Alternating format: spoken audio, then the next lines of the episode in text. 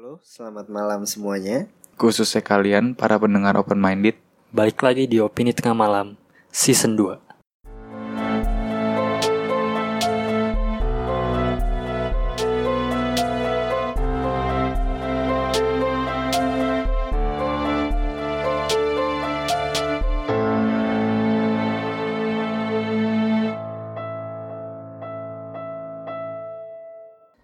Semuanya, balik lagi bareng gua di podcast Opini Tengah Malam. Nah, masih bareng gua Bimo di sini dan hari ini episode spesial sih. Lagian juga menyambut Opini Tengah Malam mau satu tahun sebenarnya.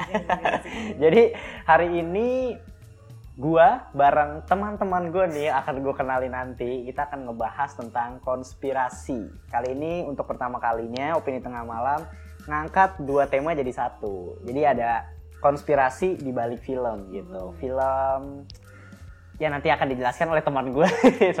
Jadi waktu itu gue sempat kalau nggak salah lagi di Twitter melempar pertanyaan, tiba-tiba rame bahas konspirasi tentang Oscar dan Golden Globe. Nah kali ini gue ditemenin sama teman gue yang dari awal banget gue buat podcast itu udah masih di Instagram belum ada di Twitter dia udah udah follow gitu gue nggak tahu Iya. kenal opini tengah malam dari mana Gua mungkin bisa bisa dikenalin dulu Kamira Hai, gue perkenalkan diri jadinya. iya perkenalkan Oke, diri nama gue Mira eh, dan gue sendiri nggak sebenarnya nggak punya podcast, gue punya YouTube dan YouTube itu biasanya tentang movie review, trailer reaction. Tapi belakangan ini eh, title gue berubah jadi ibu kosnya rakyat bumi langit. nah. Jadi jadi sekarang gue juga ngurusin eh, eh, nggak hanya podcast tapi semua yang berhubungan dengan kata rakyat bumi langit.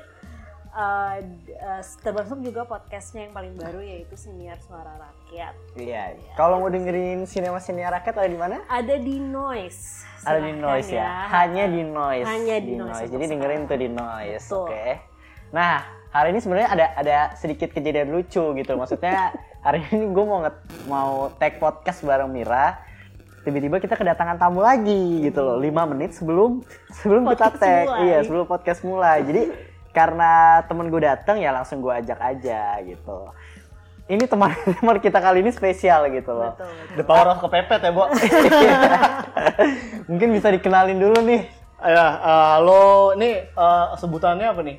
OTM Friends apa Oh gitu? enggak, pendengar open minded. Gile.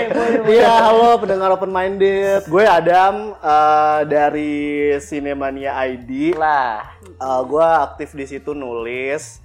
Eh, terus selain itu gue juga produser dan hostnya dari program Movie Freak Binus TV. nah betul banget. Jadi kebetulan banget tiba-tiba Adam datang, dia tadi mau nunggu luar, cuma kayak udah lu ikut aja deh sini gitu. Kebetulan juga kita sama-sama film juga kan sukanya gitu. Hari ini kita mau ngebahas tentang apa nih Kamira? pengen ngebahas tentang konspirasi di balik eh, penghargaan-penghargaan film internasional seperti Oscar atau Golden Globes atau bahkan mungkin Emmy kalau misalnya sempat nanti ya. Oke. Jadi em, lebih banyaknya sih kan gini, kita kan biasanya eh, correct me if I'm wrong ya. Iya. Kita biasanya kan berpikir bahwa Emmy or Oscar or Golden Globes itu kayak standar internasionalnya sebuah penghargaan lah gitu. Iya. Jadi yang menerima penghargaan itu it's a really really good movie gitu. Yap. Uh, tapi pertanyaannya di sini adalah apakah itu benar atau tidak gitu. Apakah memang film-film yang mendapatkan penghargaan tersebut, apakah memang benar film yang pantas untuk mendapatkan penghargaan tersebut Iya. atau ternyata ada sesuatu nih di baliknya gitu. Iya, dan Oh. ini sebenarnya jujurnya masih teori ya. Ini masih teori, teori, konspirasi. Jangan tiba-tiba wah ini bener nih, bener nih enggak gitu. Nggak- Kan kan emang podcast lu podcast konspirasi, Bo. iya maksud gue biar, biar gue tekenin aja Harus, uh, opini tengah malam informatif Ya, bukan sudah. persuasif Oh, gitu ya oh, Iya, iya, iya, iya. jadi kayak simpelnya gini aja deh kayak sering banget gue sempat baca juga kenapa sih yang menang tuh film-film box office yang kita tahu Mhm. ujung-ujungnya pas tiba-tiba nominasi Oscar keluar kayak anjir nih film gue baru denger gitu Iya. malah di Indonesia pun kadang kayak Green Book harus menang Oscar dulu baru di Indonesia tayang Iya. Oh, ya. Iya, jangan memang ya hal Oh, ini tuh oh gue gatel deh. langsung langsung menggelitik ya Anda. Iya, iya. maksud gue ya si- sesimpel itulah Iya, gitu iya. lah kita akan coba bahas nah mungkin sebelum masuk ke situnya gue mau mau sebenarnya jujur gue belum terlalu nge-research, sorry banget. Baru udah janjian sebulan gara-gara ada beberapa kerjaan. Jadi gue lebih nge-research nanti yang akan ngejelasin konspirasinya Kamira. Iya. Jadi yang gue tahu nih, yang gue tahu ya gue baca dari uh, di Kaskus itu ada yang bilang pemilihan ini udah masuk nominasi ya, Hmm. pemenang Best Picture Yap. itu jadi ada beberapa juri. Misalnya gue taruh gue analogin ada 10 juri. Iya. Itu dikasih nih film-filmnya. Hmm. Iya. Film-film untuk nominasi Oscar misalnya apa sih A, B dan A, B, C, D. Hmm. 10 orang itu suruh milih urutin dari film 1, film nomor 1 sampai film nomor 4. Hmm. Kalau di atas 50% nanti pas votingnya dikasih nih 10 orang pas kita buka misalnya di atas 50% contoh film A itu 51%. Hmm. Sisanya pasti di bawah 50% dong. Iya, iya. Film A ini yang akan menang Oscar. Hmm. Nah, kalau misalnya nggak mencapai 50%, Hmm. contoh film A cuma dapat 30%, Iya. sisanya pasti di bawah 30%. Iya. Film yang paling bawah ini itu akan dipecah vote-nya. Misalnya dia cuma dapat 8%. Iya. Hmm. Oh, oke. Nah, yang yang 8% ini Hmm. dipecah suaranya, disuruh milih lagi. Hmm. Jadi dia eh, apa ya? Dibilang diangusin lah. Iya, sisa iya. tiga film, disuruh 10 orang itu suruh milih tiga film. Hmm. Nah, di tiga film ini mana lagi nih yang yang vote-nya 8% itu akan ditaruh ke mana? Hmm. Akhirnya misalnya ditaruh ke yang pertama, Hmm. masih belum mencapai lagi, belum masih Iya. 48% Iya. misalnya. Heeh. Film yang C akan dipecah lagi vote-nya Hmm. sampai menemukan di atas 50%. Nah, itu yang akan menang Oscar. Iya. Katanya gitu. Tapi kan Itu, gua nggak itu, itu dari kaskus. Dari kasus ada orang yang kayak kayak apa suka banget tentang film gitu loh. Jadi cari Gua tahu baca. ya, Tapi ya gue nggak tahu ini benar apa enggak. Iya, oke. iya. Cuma menurut gue make sense make sense aja sih sebenarnya cara itu dan Agan mana bro? Agan Agan film mana nih? agan mana ini gitu. Agan mana? Jadi Oke oke baik. eh, apa namanya? Jadi kayak contohnya aja nih kayak sedikit. Nah ini mulai masuk mungkin ya. Gue nggak ngerti sih kenapa misalnya contohnya saat itu Mad Max. Mad Max itu kalau nggak salah menangin 5 Oscar saat itu.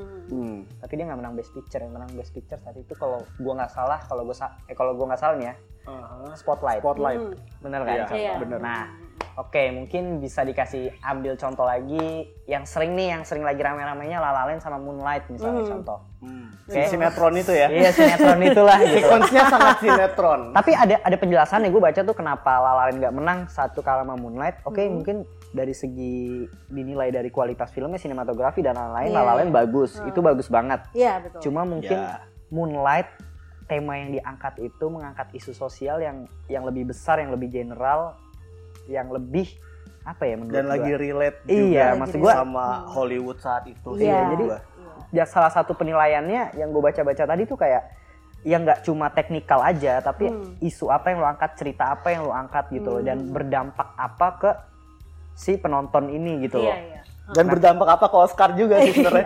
Betul, Iya, betul. Kalau kalau ngomongin Image Oscar secara kalau keseluruhan iya ya. image terus kalau Oscar kan acara TV ya, Iya. berarti kan berhubungan dengan rating, Iya. Ya kan betul. pasti. Dan uh, kalau ngomongin Oscar juga kan dia waktu Moonlight dan Lala versus La La Land, seinget gua itu Oscar lagi kena bash kan uh, karena isu whitewash segala macam Hmm. dan ratingnya tuh sedang menurun-menurunnya banget.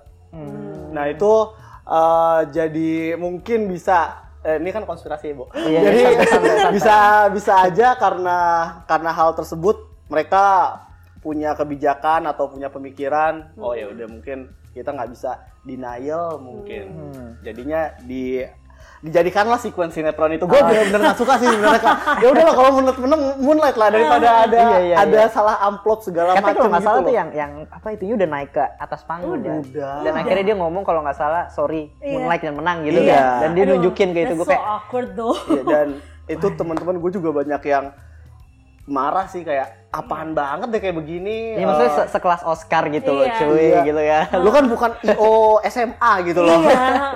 lu udah profesional. banget jadi Iya, kesannya sangat-sangat gitu. amat nggak But profesional. is it really nggak profesional atau ada Nah, satu itu. lagi? Ah, itu kan. itu yang itu yang menjadi yang ingin dibahas kali ini kan. Iya, bahas Oke, ini. baik. Nah, kenapa nih Kamira? Menurut Kamira pandangannya kan udah research nih. Iya. Konspirasinya tuh apa sih sebenarnya di balik yang itu? pasti pertama kali sih yang yang menjadi eh, apa yang gue research ya, Iya. yang gue cek-cek itu eh, kalau misalnya mau masuk Oscar itu bukan filmnya yang terpenting. Film penting, Hmm. filmnya harus bagus, Iya. tapi banyak film bagus sekarang. Jadi yang lebih penting dari itu adalah duitnya. Oke. Hmm. Iya, jadi di sini eh, terutama di Oscar ada yang namanya for your consideration campaign. Kayak misalnya Ya, kita sempat lihat eh, poster-poster barunya Joker Hmm. gitu kan ada for your consideration kayak Oh, gitu. Best apa? Best Iya, ini, iya, best itu. iya, tahu. Iya, Iya, tapi itu hanya sebatas posternya. Di Iya. belakangnya itu ada exchange lah yang terjadi. Ya, ada lobby-lobby ya? Iya, ada lebih-lebihnya sedikit. Jadi em, salah satu contohnya kalau nggak salah eh, di film apa gue lupa Iya. yang main Sharon Stone kalau nggak salah. Oke. Ini yang udah lama gitu. Jadi si eh, networknya itu sampai ngasih jam tangan eh, lapis emas ke semua juri-jurinya. Oh my Serius. Yes. Dan juri Oscar tuh nggak banyak loh. Eh nggak banyak, nggak sedikit, sorry. Nggak sedikit. Iya, itu banyak banget. itu satu angkatan I forgot kan. sih, itu Oscar apakah Golden Globes eh, Ah. atau antara dua itu? Soalnya kalau ngomongin soal eh, juri Oscar kan juga mereka shifting ke generasi yang lebih yang Hmm. lebih muda kan. Hmm. Dan sekarang yang gue tahu kayak mereka representasi dari eh, kulit berwarna, Hmm. terus juga cewek, ya Hmm. kan? Eh, mungkin juga dari LGBT. Jadi eh, sudah mulai nambah semua. Oke. Kalau misalkan dikasih jam tangan emas semua, buset, duit, duit keluar berapa ya? Iya. Tapi emang kayak gitu sih, tau Iya. gue. heeh. Netflix apa lagi? Hmm. Waktu Roma kemarin. Oh asik. Wah, itu yang gue tahu eh, Netflix itu lagi ngejar Oscar banget termasuk Irishman yang nanti. Eh tapi menurut gue. Roma emang emang Tapi as a good Roma movie, as a good movie dia. Nah, kalau ngomongin soal movie-nya buat gue itu harus lu tonton. Iya. Eh, Nonton gua. Itu itu apa namanya masterpiece-nya Alfonso Cuarón saat itu ya. Iya, Tapi iya. kalau dibandingin sama Green Book, dia mungkin gak semasterpiece itu tapi dia lebih menyenangkan nontonnya dibanding Roma Iya. gitu kalau menurut gue. Iya. Eh, cuman untuk ngomongin soal apa yang dana-dana tadi apa Hmm. namanya Eh, lobby-lobby Iya. Netflix itu emang lagi gencar banget Heeh. sebagai sebuah apa perusahaan Iya. yang langsung booming segala macam mereka Hmm. berusaha untuk ya itu tadi Oscar kan pinnacle-nya untuk film Yes. jadi mereka mau dapat consideration yang paling tinggi gitu dan Hmm. mereka dapat Alfonso Cuarón bikin Roma segala macam ya udah harus di boost cuman Netflix itu kan dia is maybe some some people might say that this movie is not the real cinema Iya. movie Iya, iya, iya. Eh, apalagi dia juga. kan ada service kan. iya eh, apalagi dia kan ada kebijakan ya rilisnya same time ada kan beberapa yang rilis di Netflix rilis di teater Aha. juga nah itu kan Oke. jadi pertimbangan juga untuk juri-juri Oscar kan Iya. nah makanya mungkin mereka eh, membuat beberapa kebijakan plus lobby-lobby yang itu tadi Mm-mm. sayangnya tetap kalah Ah itu dia. ya, tapi Ada gua- yang lebih iya, iya. kenceng mungkin. gue nggak tahu kalau Iya. Green Book gimana ya Iya, iya, iya. betul. Green Book tuh gue suka banget sama film itu dan Iya, gue ngerasa gitu. ya saat itu saingannya siapa sih? Roma Iya Iya, maksudnya. ada satu lagi siapa? Ada gue lupa. Em, waktu itu oh Black Black, Black Panther Black Panther sama satu lagi A yang Star is Born enggak Black Iya. Kingsman ya apa? oh Black Oh, Klansman Black Panther. Iya, Black iya. Clansman, Iya, ya, tapi menurut itu deh. iya, gue gue gue nonton tuh, gue nonton juga yang beberapa nominasi Oscar itu. Heeh. dan dia menang Semuanya- di Cannes tuh Iya, juara tap- dua juara tiga gua dia lupa. si Black Clansman Hmm. itu bagus. Tapi gue pas gue nonton Green Book ya, menurut gue dia wajar sih menang. Menang saat itu wajar Iya. menurut gue. Gitu. Da- eh, dan apa sih kalau Green Book sih eh, pantas sih pantas, cuman ada kon- bukan konspirasi teori. Ada yang merasa itu eh, beberapa orang merasa itu nggak pantas karena eh, bagaimana si Green Book itu dibuat sih katanya memang nggak sesuai sama kenyataannya gitu. Sama Oh, iya. Iya ada yang bilang begitu. Jadi ada lima reason kenapa Green Book tuh nggak cocok menang Oscar ya. itu di kaskus juga bukan Iya nggak ya? gue Iya nggak ya? kaskus gue banget nih. Kaskus disebut terus di sini Iya, bayar dong weh. Sering Oke, ya. oke. Iya. terus terus gimana Terus apa? Kok ya- gue jadi yang kayak ngelit Ini gue lagi nunggu dia menjelaskan. lagi lagi seru soalnya. Iya. Terus apa? Kenapa duit itu juga penting gitu? Hmm. Jadi ada, gue nggak tahu ini teori atau beneran, tapi ada beberapa yang juga bilang kalau misalnya lu masuk nominasi Mhm. itu udah kayak guaranteed lu ada keuntungan lebih 20 miliar US dollar. Kalau lu menang, lu bisa untung sampai 35 miliar US dollar. itu duitnya dikasih sama siapa tuh Nah itu gue juga nggak ngerti perhitungan itu seperti apa. Eh, tapi, tapi mungkin ya itu emang emang sebagai hadiah kalau lu emang menang kan. bisa jadi. Setiap lu menang pasti lu akan dapat hadiah kan. Heeh. nah, Gak oh, cuma, iya nggak iya cuma Berpegang- pride doang, mungkin Pride. ya mungkin gua nggak tahu. Iya, Dan- berpegang untuk itu jadi mereka Heeh. ngejor-jorin duit gitu loh ke si juri-jurinya untuk bisa naik. Dan beberapa film nomini kan biasanya mereka rilis di menjelang akhir tahun kan, November, Iya, benar banget. Oktober, November, Desember. Eh, itu belum termasuk rilis internasional mereka kan. Biasanya rilis rilisnya baru yang US tuh akhir-akhir tahun. Nah, dengan mereka masuk nominasi, biasanya itu memperlebar legs mereka Yes. di box office. Yes. Baik itu box office itu di, eh, di Amerika atau di internasional. Dan Hmm. yang paling baru itu kejadian sama Bohemian Rhapsody. Hmm. Itu setelah dia masuk nominasi dan banyak orang yang nggak Hmm. sangka dia bisa masuk Best Picture, box office-nya tinggi banget. Gue lupa eh, berapa eh, berapa nominalnya. Iya, iya, iya. Cuman itu bisa bertahan eh, kayaknya lebih dari Januari 2000 berapa, berapa? 2019. Pokoknya lama. Jadi Iya, lama. lama banget, lama banget. Itu bisa memperlebar legs Yes. dari Yes. eh, That's apa right. namanya dari film yang bersangkutan kalau masuk nominasi Iya, betul. gitu mungkin ya karena gue juga nggak tahu kalau misalkan duit yang tadi Mira bilang dapat dari mana dapat dari bokap gue atau siapa gitu kan Iya, nggak benar. tahu kita kan itu lu Cuman- baca sumbernya dari mana itu tadi Sumbernya, uh, dari mana ya? ya biar biar biar orang oh iya dia bisa dari gitu. eh, kalau nggak salah dari eh, Variety deh. oh variety Kayak gitu. ha-ha. waduh Eh, waduh, itu luar eh, Variety Iya, or emang. Slate atau apa deh, aku Mhm. lupa. Bukan Kaskus ya. kenapa sih kaskus tuh gudang konspirasi gitu memang memang, tapi kali ini gue nggak dapet Iya. dari Kaskus. terus gimana ada lagi Eh, paling kalau misalnya dari gue sih lebih ke apa sih ke duitnya sih maksudnya Hmm. seberapa banyak orang mem- mengeluarkan uang untuk mendapatkan nominasi dan juga si eh, kemenangan ini gitu karena Iya. itu eh, mungkin salah jadi gua ada gue kan sempat nanya juga nih ke followers gue gitu apa Iya. sih eh, yang menurut lo film yang gak adil untuk menang tapi ternyata mereka menang gitu Hmm. ya itu yang paling banyak adalah La La Land dan Moonlight gitu itu yang paling banyak orang bete gitu Hmm. Oh, tapi iya. ada satu lagi eh, dua atau tiga orang yang bilang searching ingat film itu nggak searching Yes. itu tuh searching yang tahun lalu iya, Iya iya dua yang, tahun ya Oh. yang dari yang Tahun lalu, tahun filmnya tuh point of view-nya tuh komputer gitu loh. Iya. Ah, itu bagus. Uh, uh, uh, which is kan itu bagus kan, tapi kalau nggak salah itu nggak nggak ada dimension sama sekali. nggak dapet gitu. nom- nominasi dapat gak ya waktu itu gue nggak tahu tapi dia daftar nggak untuk untuk untuk Dan kalau kayak gitu Pasti- harus pasti. harus harus daftar berarti. berarti dia emang harus daftar bukannya setiap film tuh eligible sih menurut gue sih Oh, eligible iya tapi eligible, tapi untuk dari dari dari pembuat filmnya mereka mendaftarkan atau enggak? Hmm, kalau searching gue nggak tahu ya Wah, untuk Iya, hal iya, untuk, untuk hal itu ya. Iya, uh. itu kan ini kan itu menurut gue itu salah satu underrated movie gitu loh Iya, yang kayak anjir Bener. tiba-tiba ya ini gue nggak nggak nunggu nunggu selama misalnya gue ngeliat nih film yang keluar 2020 gue nggak akan nunggu searching gitu loh Iya benar. tapi tiba-tiba pas keluar reviewnya bagus akhirnya nonton kita Iya. gitu Sebenarnya kalau searching itu dia udah mulai menonjol sejak Sundance apa kalau nggak salah. Iya. Em, jadi Sundance itu kan di awal tahun Hmm. 2019 berarti kan searching rilis. Di awal tahun 2019 itu udah mulai tuh eh, kesebut gitu namanya Iya. ke mention searching searching ini apa ceritanya bagus cuman kan ya bodo amat orang Iya, kita karena belum, belum rilis di sini Iya. ya. Kita cuma sekedar tahu doang searching. Iya.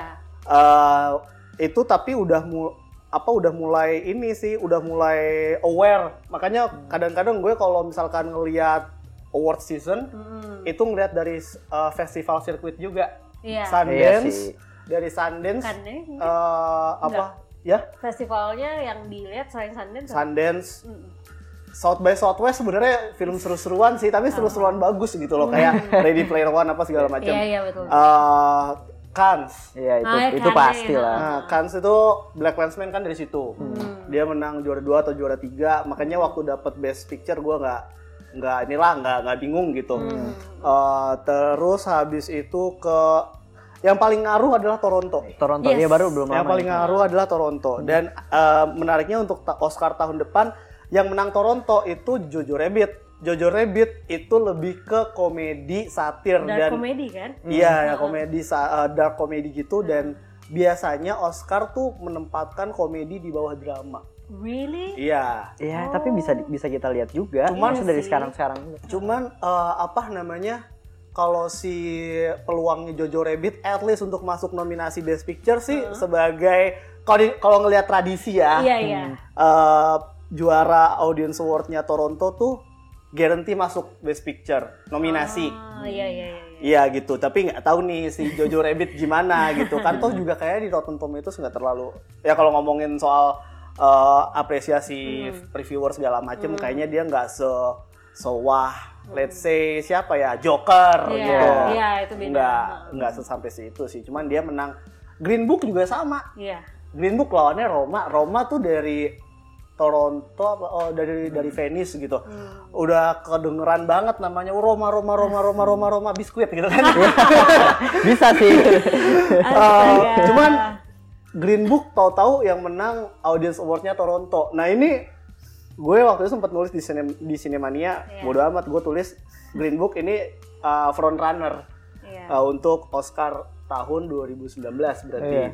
Ya bener, tahu-tahu Green Book yang menang gitu. Jadi uh, festival sirkuit itu perlu juga untuk kita lihat walaupun kita pasti nggak bakal datang ke sono. Iya, iya. Uh, infonya One day ya. harus one day ya. amin. Iya, iya. Uh, mesti dilihat juga Toronto Tell You Right itu terutama dua itu Toronto apalagi jadi uh, setelah itu mungkin ada lobby lobby ya kan Hmm. eh, ini gue udah di Iya. udah udah udah ngangkat nih mulai, udah sudah, ngangkat nih di sudah. festival ini nih ya udah Ah, dong gitu iya, iya. di setting lah sama sama Iya. yang punya film ya kan gue Iya, nggak iya, tahu iya. cuman uh, mungkin kita bisa ngelihat dari situ Hmm. termasuk searching cuma searching emang ini sih apa namanya Dia ya mau dibuat sequel ya kan. Iya. Ya gue gak tahu sih gue sedikit kecewa ya pas dibuat sequel kayak gue udah bagus nih lu kalau lu jadi satu film lu akan jadi masterpiece Iya. bisnis iya gue tahu cuan segalanya gue tahu cuan segalanya gitu cuma gue Cuan adalah jalanin jaku bapak.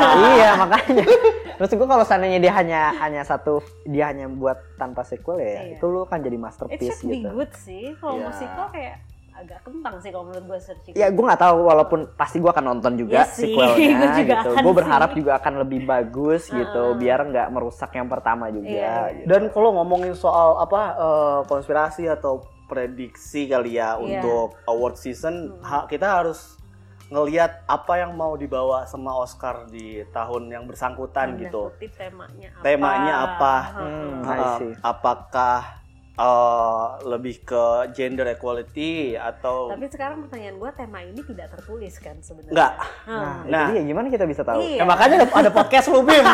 iya Fungsinya itu ya. Dia ada podcast mau Nggak maksudnya ini. untuk, untuk aja Oscarnya ini loh dia Iya. kenapa nggak dia jamblangin tapi kalau dia jamblangin juga Nggak rada nggak nggak nggak iya Iya. Nanti malah jadi kayak lo pilih kasih nih misalnya film ini mungkin nggak gitu oke di mata orang lain Iya. tapi karena sesuai tema malah dia ya kalau gitu jadi misalnya dia ngeluarin tema ya orang-orang di yang mau Semua bikin kayak gitu. Iya. iya Iya. jadi dia yang ngatur Iya. Aduh, enggak. Gitu. Eh, itu sih kalau yang spotlight kan sempat bahas tadi ya. eh, Ya, spotlight. Spotlight itu menang dari dari Mad Max ya. Ya, ya, dia menang di Mad Max ya, Mad Max menang lima Tapi- lima Oscar emang. Tapi yang saat itu jadi unggulan banget adalah Revenant. The Iya, Revenant. Revenant. Iya Leonardo menang Si Leonardo aktor, kan akhirnya menang aktor segala macem. Alhamdulillah. Tapi gini, Favorit tapi tapi hal yang lucu dari kemenangan Leonardo adalah Leonardo menang dengan cara yang fisikal banget di Revenant. Sementara banyak orang yang menyayangkan dia nggak menang waktu di Wolf of Wall Wall Street, Street. karena di situ uh, dia gila banget itu gitu secara acting ya, secara acting dia gila. Iya. Pak. iya parah iya, gue parah, bilang parah. parah Ah. banget Cuman ternyata dia menangnya di uh, di Revenant. Revenant. Ini sedikit konspirasi aja. Gue sempat Iya, baca karena Leonardo DiCaprio itu salah satu aktor favorit gue. Hmm. Gue suka banget gue ngikutin dia dari What's Eating Gilbert Grape kalau lo tahu. Iya, Dia harus menang dia masih Oscar di saat itu kalau menurut gue ya gitu. Iya, iya. Terus kenapa dia nggak menang tuh kayak dia kan udah beberapa kali, beberapa kali gagal, gagal, gagal dan Dan sempat gagal. jadi meme kan. Iya, sempat jadi meme. Karena itu itu tuh sebagai hadiah Oscar untuk si Leonardo gitu. Hmm. Maksud kata ka- konspirasinya gitu kayak Haha. kayak ya udah, nih gue kasih You karena lu iya lu ya udah ini buat lu. lu gitu. lu lu pantas nih Ah. dari dari sebelum sebelumnya lu cuma nominasi sekarang lu pantas nih gitu maksudnya pantas tuh dalam arti gue kasih hadiah sebenarnya lu di saat itu ya. masih ada saingan-saingan yang menurut gue lebih memungkinkan untuk menang saat itu dibanding si Leonardo DiCaprio Hmm. Kalau- karena di Wall of Wall Street lu lihat deh scenes di mana dia yang kena apa gue nggak tahu sih narkoba ya. Iya. obat yang dia sampai nggak bisa jalan. Uh, itu menurut gue itu gila banget gitu. Itu yang sampai ke mobilnya tuh Iya. tidur tidur gitu Iya, kan sih? Iya, tidur. Maksud gue itu gila banget gitu. Sayangnya adalah di situ eh, dia tuh kalau nggak salah saingan sama si Dallas Buyers Club siapa? Um, McConaughey Iya, Matthew McConaughey Matthew ya. McConaughey. itu emang eh, sayang banget ketemu sama nih orang. Jadi Matthew McConaughey lu lihat aja di Dallas lagi, di Dallas. Buyers Club. Heeh. Nah ini salah satu hal yang gue tahu juga ya Oscar kalau untuk aktor ya Iya. itu seneng banget sama transformasi transformasi tubuh fisik ya kan si Matthew McConaughey dia juga eh, di Dallas Buyers Club kan nurunin berat badan ya kan jadi Iya, kayak jadi ya benar-benar kayak kan, sakit bener-bener kayak sakit kan. Mm-mm. Heeh. makanya menang gitu Eh, Gandhi waktu itu juga eh, sempet dapet eh, makanya di yang tahun ini Christian Bale ya kan Iya. nah ini Christian Bale bisa nih dapet apa nominasi segala macam sebenarnya itu ada dasarnya juga sih karena dia mengubah Iya, iya. mengubah fisik juga gitu Tapi Itu- Christian Bale emang dia nggak cuma sekali melakukan hal itu sih. Iya Oh, benar. Dan itu didukung sama James Mangold juga. Iyalah. Ya kan filmnya bagus ya kan si Ford Ferrari. Jadi Iya, iya, em, tapi kalau untuk aktor biasanya dia eh, Oscar kecenderungannya aktor yang nggak cuman aktingnya mantep Effortnya tapi lebih. effortnya Hmm. effortnya keren gitu. Hmm. Nah si Leonardo kan nggak sampai menyusutkan seperti diri. itu. Iya. Tapi gue akuin saat itu Leonardo de Revenant ya dia cocok masuk nominasi. Gue nggak tahu Iya. dia cocok menang atau enggak. Karena di saat pembuatan The Revenant itu, setahu gue ya, itu cuaca itu bener-bener dingin banget saat itu. Dia gue Oh. pernah nonton interviewnya yang sampai lu udah pakai baju berkali-kali itu tetap tetap tetap dingin banget Iya. dan dia ada scenes yang apa ya yang yang yang harus memungkinkan dia tuh yang dia tidur aja deh yang di tau gak sih di black apa ya Kuda. hewan kuda nah itu dia bener-bener tidur di, di dalam itu gitu loh Itu udah beneran ya? iya maksud gua eh kan itu cuma itu kan Gue kira props. e- effort gitu loh maksud gua Iya, yang iya, dilakukan itu Iya, ya iya, iya. tapi gua nggak tahu di saat itu emang konspirasi kayak lu menang karena emang give aja Iya, dari heeh. ini Mm. contohnya satu lagi mungkin yang ak- yang akan dikasih sama Oscar Amy Adams ya Amy Oh. Adams. Amy Oh, Adams tuh salah belum satu pernah menang juga ya? Leonardo DiCaprio versi cewek masuk nominasi gitu. doang tapi dia Tapi Amy Adams di tahun ini dia main apa ya? Em, nggak tahu lah Enggak, gua belum tahu ya, belum tahu. Mungkin dia sudah give up kali. Tapi ini yang lebih aneh lagi ketika Revenant adalah justru si siapa lawan mainnya si Leonardo di oh si siapa aduh gue main Mad Max Tom, Har- Tom, Tom Hardy. Tom Hardy, ha. Banyak yang nggak nyangka Tom Hardy bisa masuk nominasi Best Supporting Actor saat itu. Ah. Kalau nggak salah boleh dicek juga sih Golden Globe dia nggak masuk. Kalau if I'm not mistaken ya. Ah. Pokoknya di Oscar tuh banyak yang banyak yang kaget. Nah ternyata setelah diusut-usut, kalau nggak ada Tom Hardy, si Leonardo DiCaprio nggak bakal abis-abisan kayak gitu di Revenant. Oh. tapi gua gua kasih sedikit fakta nih Ah. Tom Hardy masuk ke Revenant itu gara-gara si Leonardo DiCaprio Oh gitu. Nah bingung nggak lo? Iya. Jadi kalau setahu gue nih antara sutradara atau Leonardo DiCaprio ya. Jadi Hmm. Tom Hardy tuh nggak mau main di itu. Tapi sama si Hmm. sama si Leonardo, kalau nggak salah nih, kalau kalau Di- kalau salah bisa direvisi. Dikasih skripnya, lu baca dulu deh. Oh. Lu baca dulu. Kalau seandainya lu udah baca, lu nggak nolak ya udah nggak apa-apa gitu. Hmm. Tapi Tom Hardy, Tom Hardy akhirnya tertarik gitu dan ya gue akun juga Tom Hardy salah satu yang yang membuat karakter si Leonardo DiCaprio ini hidup banget gitu. Dan di speechnya si Leonardo gue masih inget itu bener-bener ngasih ucapan terima kasih eh, khusus untuk si Tom Hardy ketika di atas panggung kan. Jadi emang dua aktor ini ya seperti lo bilang udah chemistry-nya kuat dari sejak di di luar set Inception, gitu. ya. Dia juga beberapa kali film kan main juga main bareng gitu kan. Kalau ak- eh, ini sih salah, tadi kan kita gue udah bilang kalau salah satu yang bisa asik untuk dijadiin prediksi itu dari Toronto Iya, Festival Circuit. festival. Golden Globe juga itu salah satu yang jangan sampai lolos lah nih Golden Globe karena eh, biasanya yang masuk nominasi Oscar yang masuk nominasi Golden Globe. Golden Globe Cuma belum tentu yang menang Golden Globe menang, menang Oscar. Oscar juga karena Golden Contoh Globe Wall of Wall Street. Tiga menang. karena gini Golden Globe itu kan dia ada dua pembagian ya kan Iya. drama sama komedi and musikal kan Iya, iya, nah iya. ini yang tricky gitu Eh balik lagi biasanya Oscar tuh sekali lagi lebih maaf maaf nih lebih mungkin lebih mengutamakan yang drama Ah. dibanding yang komedi musikal Hmm. Gue sempet tanya, tanya sama senior gue, lu kalau kalau kayak gitu ngapain orang pada masih bikin komedi musikal ya? Iya. Cuman gue lupa jawabannya dia apa. Em, cuman ya biasanya yang head to head tuh kayak gitu. Yang head to head siapa yang menang di siapa yang menang di untuk aktor apalagi ya yang di drama Iya siapa iya itu yang itu itu gue juga patokannya Golden Globe juga sih. kecuali James Franco. James Franco disaster artist dia tuh gara-gara kesa- kesandung skandal ya. Iya. Gua yakin kalau nggak kesandung skandal dia pasti Aman. dapet. Nah, Dia, jadi emang gila sih. Iya, dia- Karena gue langsung nonton film lamanya dan Iya, itu iya. anjir lu meraninnya gila banget nih gitu. Cuman ya itu dia cuma satu-satunya yang bisa eh, menandingi siapa yang di Darkest Hour tuh em, Oh, aduh, gue lupa. Gary yang- Oldman. Gary Oldman saat itu kan. Nah Gary Oldman balik lagi formulaiknya tadi dia sampai pakai prostetik segala macam Iya, kan iya, terus iya. transformasi tubuh balik lagi. Nah si James Franco tuh waktu itu bisa digadang-gadang bisa nih jadi Nyaingin lawan lah. lawan seimbang. Iya. Eh eng ing eng wak wow kasus kan doi. Jadi ya Iya, I see. Tapi kalau kalau balik lagi ke yang masalah konspirasi Oscar Hmm. ini, gue yakin juga kayaknya kalau masalah untuk dana akan lebih keluar ke Best Picture nggak sih? Kayaknya kalau aktor, apakah masih ada di balik itu ada konspirasi juga? Gue nggak tahu ya. Iya iya iya. Karena kalau seandainya Best Picture ya oke fine tuh as movie lu bayar mahal-mahal juga rela lah gitu. Iya iya. iya. Bener nggak sih?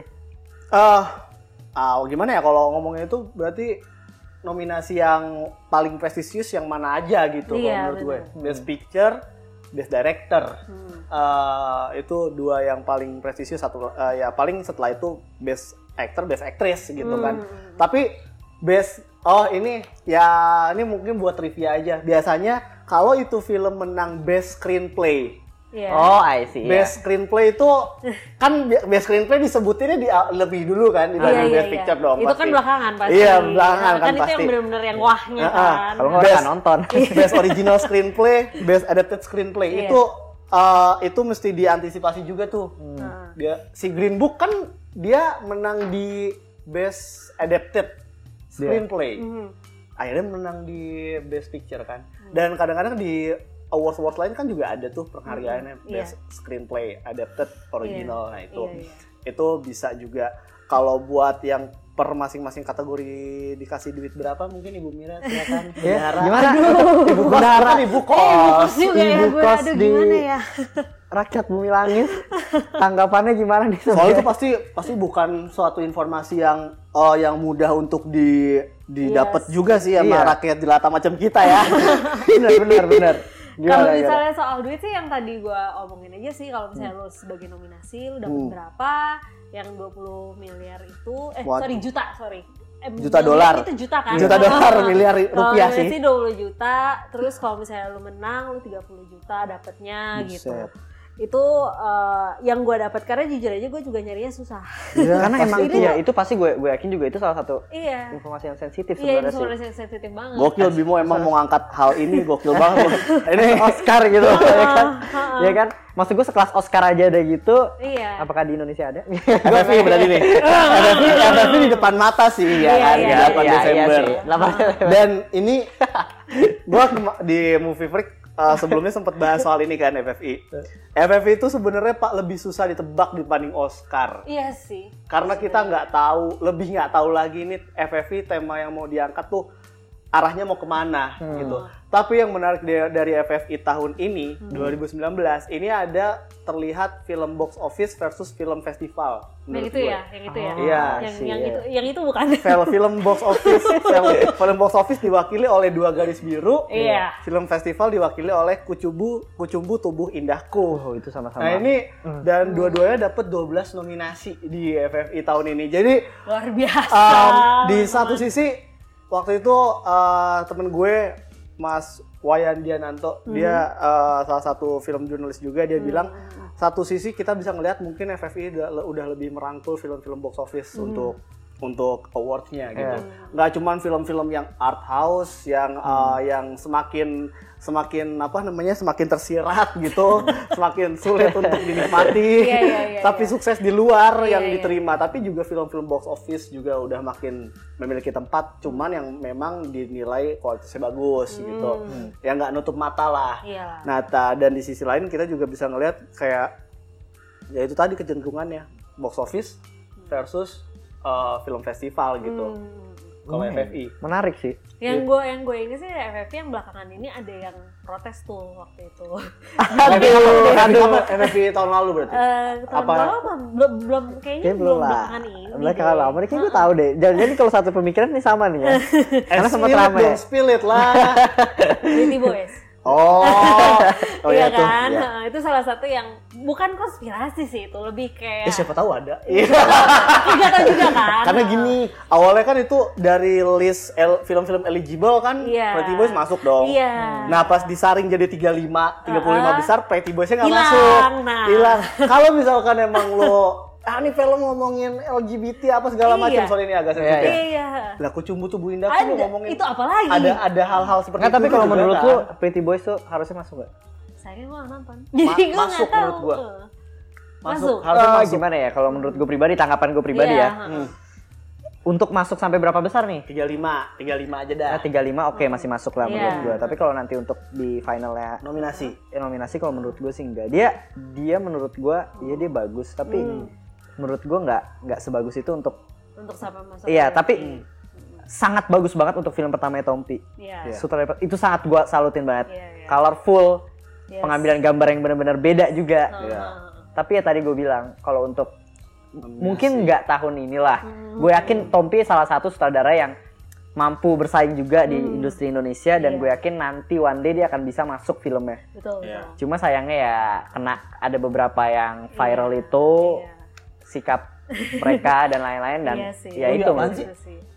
Gua nggak tahu. Lu gak tahu? Nggak tahu gua. ah lu gimana, Gimana sih sih? Yang mana sih? Yang mana? Iya, iya, udah gue yang ceritain. Jadi gini, iya. si si Pretty Boys ini kan eh, ya itu tadi kan masuk nominasi, tapi Hmm. eh, nggak masuk nominasi, tapi masuk yang apa? Eligible. Yang eligible Ah. gitu.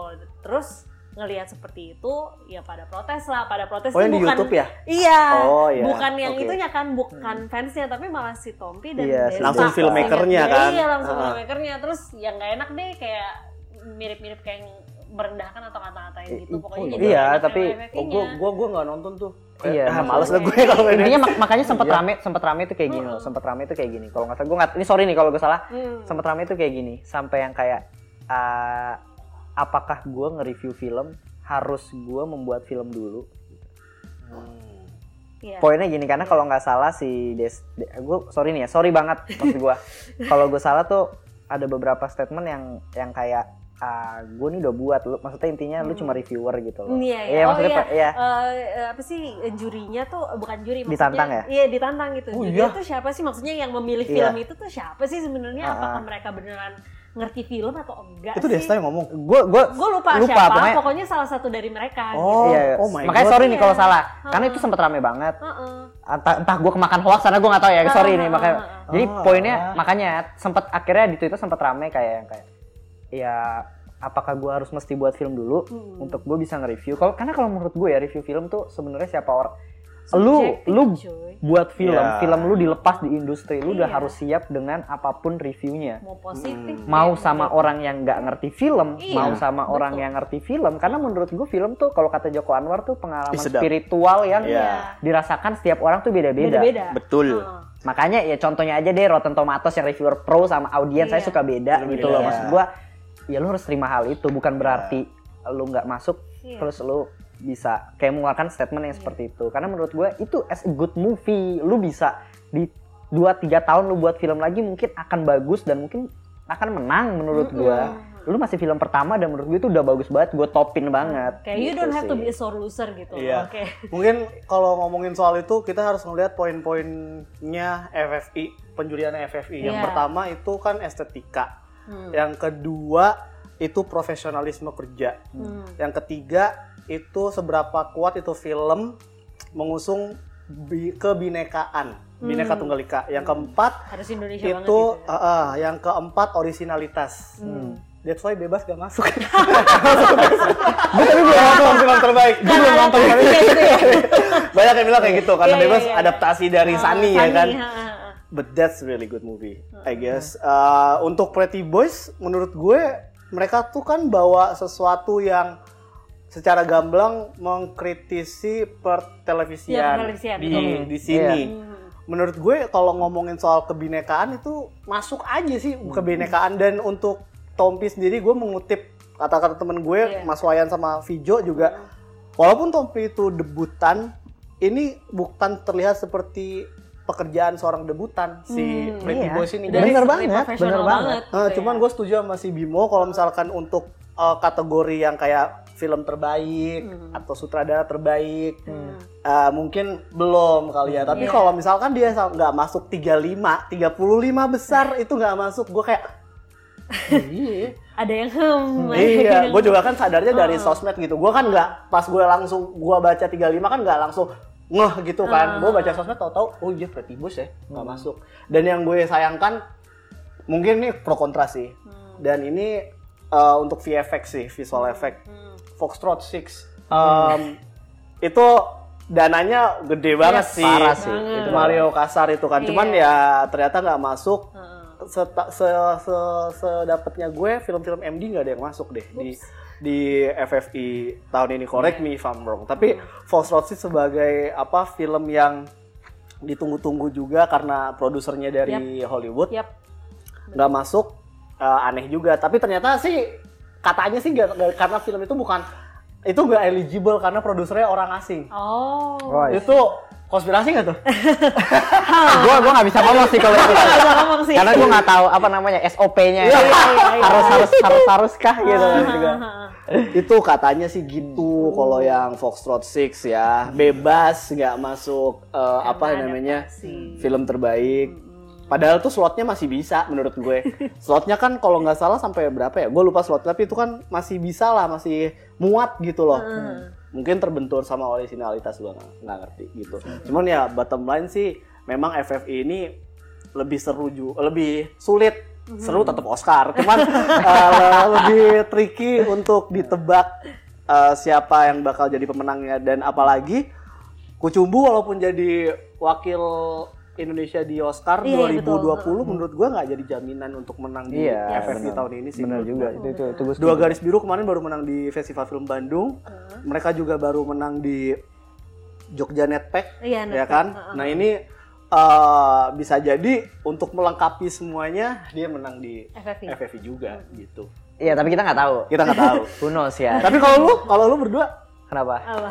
Kucumbu atau dua garis biru? Aduh, kalau misalnya gue, wah gue bakal dicolok Mustafa nih.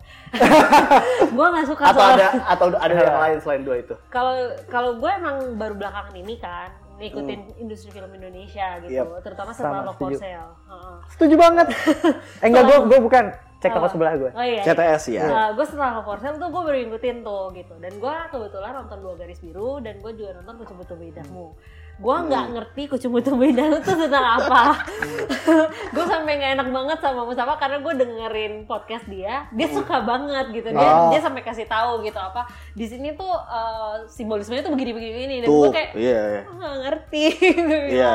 jadi kalau misalnya gue harus dipilih dua itu literally gue akan bilang dua garis biru. Sama Karena itu itu lebih masuk akal gitu kalau buat gue bukan berarti kucu butuh bendamu jelek ya cuman dia Iya. balik lagi kita kan nge-review film itu kan subjektif, Subjektif, juga selera kan. nggak sama kita atau enggak He- Iya. membuat kita merasakan sesuatu enggak nah Iya. gue nggak ada tuh feelnya sama kucu butuh bendamu gue nggak Bener. nggak nyambung sama sekali Ya nggak apa-apa. gitu itu, itu menurut gue ya kita open aja Oh, kan. iya. Gue sih jujur gue belum nonton Kucumbu tapi gue nonton dua garis biru jadi kayak gue di dua garis biru sih. Kuda hitamnya sih 27 27 Steps of Oh, May. Oh Enggak, iya iya iya tapi- gue tapi tahu katanya itu gua juga sempat- bagus gue belum sempat gue sempat denger reviewnya tuh Mustafa lagi nggak salah. Eh kan? itu nggak nggak sebagus yang di nggak tahu ya dia. Nah, tapi itu pendapat sih. Gue gue belum ini juga. Dan anehnya, eh bukan anehnya sih ini memang terjadi ya. 27 Steps of May dan Ave Mariam. Wah, Ave Mariam nih seru Ah, juga sih. iya. 27 Steps of May dan Ave Mariam itu yang disajikan di bioskop. Itu adalah versi udah diedit eh, dari versi yang aslinya. Jadi kalau misalkan lu nonton di Jogja Netpack, Iya. nah itu yang, Itu yang lengkap. lengkap. Oh my lord. Heeh. Harusnya Eh, makanya banyak orang berbondong-bondong ke Jogja Netpack kan. Jadi Karena daripada itu. keburu di sunat ya kan. Iya, iya, iya. Em, si 27 Steps of May itu ada satu hal yang bikin gue nggak nggak apa ya gemes sama nih film sih. Cuman kalau misalkan eh, yang dia angkat kan sesuatu yang penting gitu Iya, kan. betul. Eh, sensitif juga. Yap. Jadi menurut gue kalau misalkan dijadiin kuda hitam, menurut gue pantas-pantas aja. Dan dia kan salah satu dari tiga film yang awalnya mau dijadiin calon Hmm. calon perwakilan Indonesia di Iya, Oscar. Iya, kan. gue tuh udah Ah. denger sih emang udah. Nah, udah sempet Ave Mariam What's wrong with this movie itu kayak disaster artisnya Oscar waktu itu. Ada kesamaan nih ya kan. Eh, dia di FFI tahun ini cuma dapat satu nominasi. Really? Cuman saat dapat satu nominasi Hmm. untuk film yang sempet dicalonkan untuk menjadi wakil Indonesia di Oscar. Iya, itu iya, sesuatu iya. yang aneh menurut gue. Iya. Cuman balik lagi poin ketiga tadi kita obrolin profesionalisme kerja. Mhm. Ya James Franco lookalike kan. Iya benar benar itu jadi kita nggak usah bahas lah itu Ah. cuman ya sayang banget sih Ave Mariam dan memang kalau misalkan lu nonton di gue nonton yang ya gue akan nonton di Jogja Netpack tapi gue nonton yang di versi reguler Iya, iya. Wah itu memang ternyata Beda ada banget ya? oh gila itu penting banget yang Maksudnya dipotong gue menurut suka gue gitu loh sebenarnya Ave Mariam tapi Hmm. be- sama jadi pas gue nonton yang biasa yang reguler ada yang kurang menurut gue tapi gue nggak tahu yang kurang tuh apa itu mesti gitu. di searching dulu tuh sama sama teman-teman yang udah nonton duluan di Jogja Netpack dan menurut gua wah iya bener banget kalau di rilis rilis biasa yang gue dapatkan cuman dari dari wardrobe-nya doang nggak ada nggak ada adegan tertentu yang semakin menguatkan hal yang dipotong iya itu betul Hmm, I see. itu dia Akan keluarkah fullnya nanti? Ya gue nggak tahu kan. Iya, Kita iya. tahu. mungkin kayak di hook gitu nggak sih enggak ya hook Nah, itu gua gitu nggak gua tahu. ngerti sih Gue nggak tahu sih Iya, kalau kayak gitu. itu itu mesti nanya ke produser sih cuman ya berharap sih boleh sih karena gue juga menurut gue Mariam cukup impactful juga gitu karena Iya. yang dia bawa angkat isunya juga sensitif Sensitif. karena- Heeh. Sangat. Gitu. Menurut gue cukup sensitif dan sangat sensitif. Satu lagi sih mungkin yang gue keinget adalah sutradaranya keluarga Cemara yang di Lawrence nggak masuk uh, nominasi sutradara terbaik. Hmm. Kalau ngelihat filmnya juga keluarga Cemara menurut gue uh, dia kan istilahnya yang menang banyak di Piala Maya di awal tahun 2019. Jadi uh, filmnya juga oke menurut gue bagus, sukses secara box office juga, resepsinya juga bagus, Keren. hangat segala macam.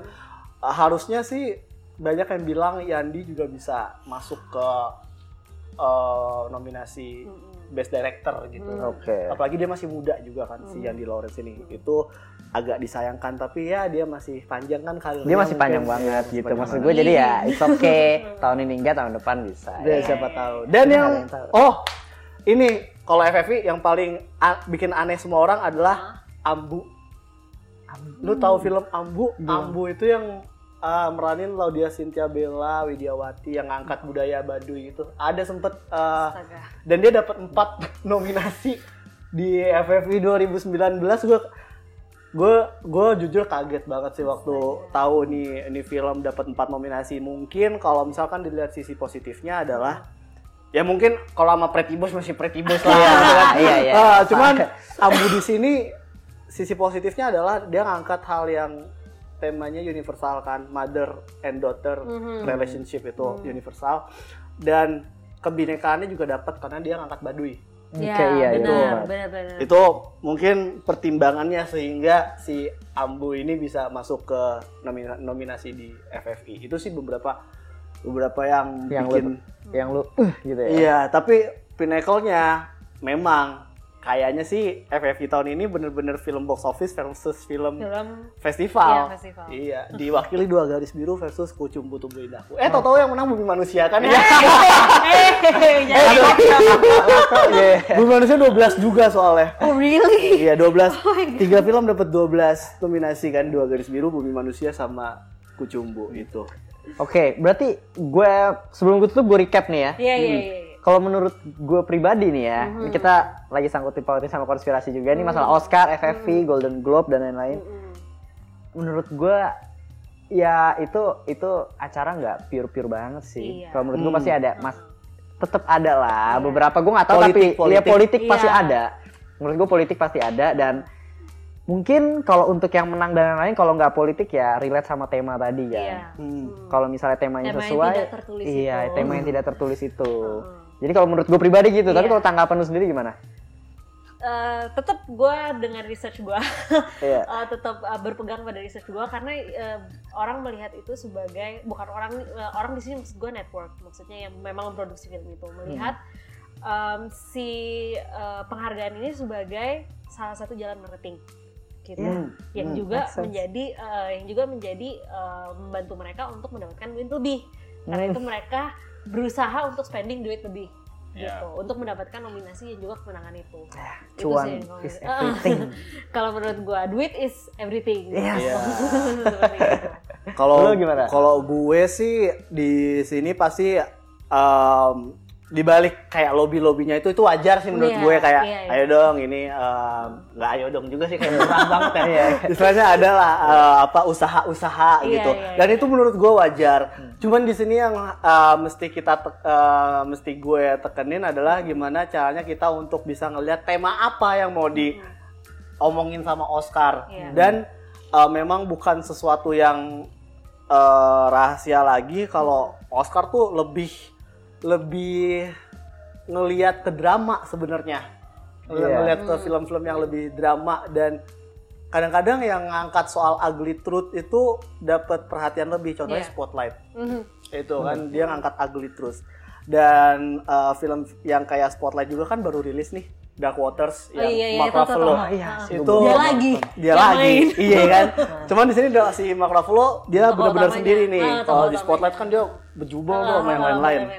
Itu Eh, terus kalau itu ugly truth kalau misalkan mau di apa dikira-kira Ah. itu bisa sebenarnya dari beberapa festival film terutama dari Toronto terus nanti kan juga bulan De- ini udah Desember kan Udah Desember. Golden Globes kan keluar Februari. nominasinya Oh ya udah keluar nominasi dulu ya. Nah, nanti bakal keluar nominasinya Januari mereka eh, apa namanya yang awards Februari Academy Februarinya Awards. Academy maaf, Awards salah. Itu bisa di apa di Acuan. Ya. ya acuan acuan. tapi kalau misalkan ngacu ini juga gua nggak- gua masih belum jago nih kalau ngacu-ngacu gini karena lu harus ngelihat ke belakang juga Yes. katanya nih Hmm. nah, Ada lagi. Hakim Phoenix Oh, oh. ini pasti bakal ini peluang dia untuk masuk nominasi Best Actor tuh lebar Gede banget. Gede Harus banget. sih kalau menurut gua. harus. Yes. Tapi apakah dia bakal menang? Kalau ngacu ke yang yang kemarin-kemarin, Oscar tuh nggak suka repetitif. Dan dia udah ngasih penghargaan eh, apa aktor ya istilahnya ya kepada Heath Ledger kan, almarhum Heath. Ledger.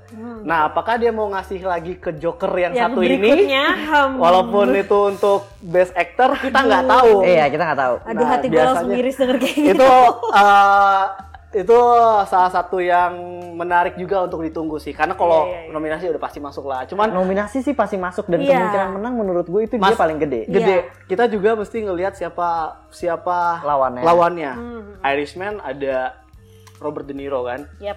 Eh, Ford Ferrari ada Christian Christian Bale. Bale Matt Damon pun bisa menurut gua Hmm. Eh, jadi nanti masih panjang lah masih satu bulan lagi kan Eh, Si kita ini ngeliat. juga siapa namanya? Pemeran Rocketman. Oh taruh oh ya Taron Egerton. Iya iya iya. Rocketman. Dia bisa dijadi Iya, kuda Rocketman. hitam lah maksudnya. Kalau ngelihat gimana Oscar menilai Bohemian Rhapsody Yap. yang sebenarnya reviewnya nggak sebagus Ya, Rocketman, emang, Yes, emang. Rocketman, betul, betul. Rocketman itu bisa. Iya.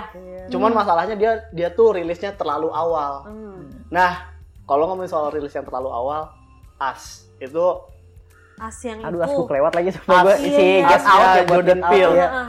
itu salah satu yang mesti dilihat juga sih apalagi Lupita kan Lupita di situ dia meranin jadi dua karakter yang Iya. beda banget kan menurut gua cukup kuat buat jadi contender contender di best Actress. actress Heeh. Uh, itu uh, Golden Globe festival lobby lobby itu urusan yang ya urusan para eksekutif Iya, lah. eksekutif lah. dan satu film yang mungkin bakal rilis nanti Bombshell itu Oh iya. Itu Itu- trailernya juga sering banget tuh keluar tuh. kalau ngomongin tema gender equality dan diangkat dari kisah nyata, ini film bisa Mhm. uh, jadi uh, kontender kuat. Cuman kalau yang sekarang semuanya sih masih tertuju ke ini pengulangan dari tahun lalu mungkin ya mungkin masih ma- pada tertuju ke Irishman kali ya. Mungkin. Irishman masih Masih, masih euforianya masih ini banget. itu sih. Kayak not gue nonton itu nanti malam.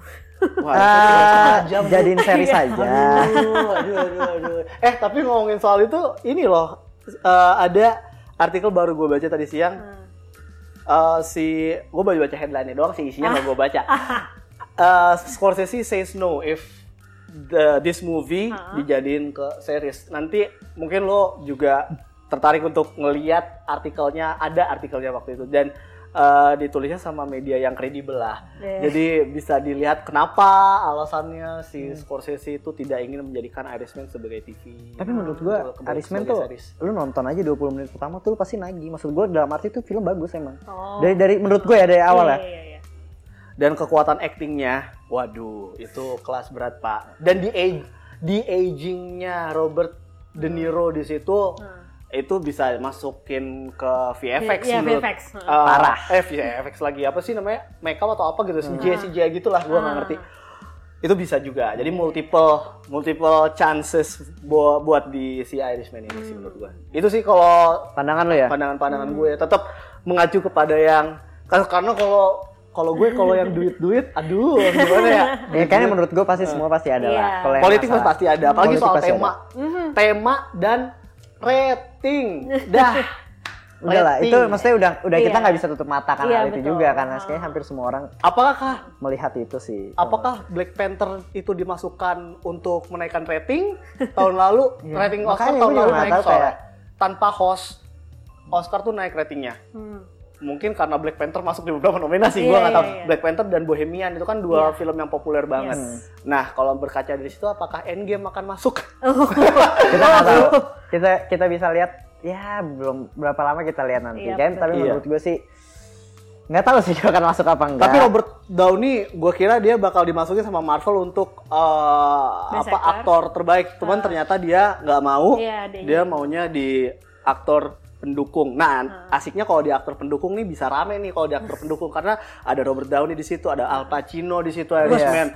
Kalau di ceweknya ada Jennifer Lopez di Hustlers. Hustlers iya. tuh juga menurut gue ada Brad Pitt di Once Upon ada a Brad Time. Pitt juga Once Upon a Time in Hollywood. Jadi eh, aktor sama best best supporting actornya wah Itu akan gila banget sih. banget, alik, banget- alik banget Oscar tahun ini sih menurut Kita gue. lihat kalau seandainya yang menang membingungkan ya, ya udahlah. Berarti emang nggak bisa tutup mata juga. Iya, iya, gitu. Oke, sebelum gue tutup nih, Hmm. gue mau ah, nanya aja sih, bukan nanya sih jatuhnya. Si Mira, Hah? Thank you banget. Adam, thank you banget. Mungkin bisa kasih tahu Sama-sama. entah apa sih lu punya YouTube kan, YouTube iya. channel lu. bisa Oh, promosi nih. Iya, gitu ya. promosi. Kalau gue promosi, eh promosi itu kan. Kalau gue Hmm. YouTube-nya eh, Mira Kiriu, M Y R A K I R I Y U U. ya. Eh, dan kalau misalnya juga suka tentang bumi langit apa pun Wih. yang semua tentang bumi langit nih. boleh dengerin podcast kita di Noise Senior Suara Rakyat dan juga follow Instagram dan Twitternya di Rakyat Bumi Langit atau bisa searching langsung kata Rakyat Bumi Langit. Itu udah pasti langsung keluar lah. Iya Ya, ya. betul. Nah, kalau Adam gimana, Dam? Kalau gue eh, silakan baca review-reviewnya di review film terbaru di Cinemania ID at Cinemania underscore ID. Eh, terus kalau buat kalau sukanya nonton silakan tonton program Movie Freak Binus TV setiap hari Selasa Yes. live-nya eh, premiernya sorry Iya, Nah, hari betul. Selasa, rerunnya itu hari Kamis. Nah, kalau podcastnya dari Mo- Movie Freak juga ada di setiap akhir pekan biasanya kita share. Sama kalau ada tamu-tamu yang datang, Hmm. biasanya kita bikin juga artikelnya dan dirilis di Cinemania Iya. juga. Jadi Adam tuh banyak banget ya. dia banyak banget dan dia itu dia semua. gitu. Iya. ya, I'm not a Superman, bro. Jadi gitu ya, thank you banget Yes. buat kalian berdua. Yeay, sama-sama. Oke, Thanks kapan-kapan kita bisa ngobrol us. lagi. Yes, boleh banget. Dan buat kalian yang masih dengerin sampai sekarang juga makasih banget udah dengerin sampai sekarang. Mungkin bisa ketemu lagi di episode berikutnya. Sampai jumpa.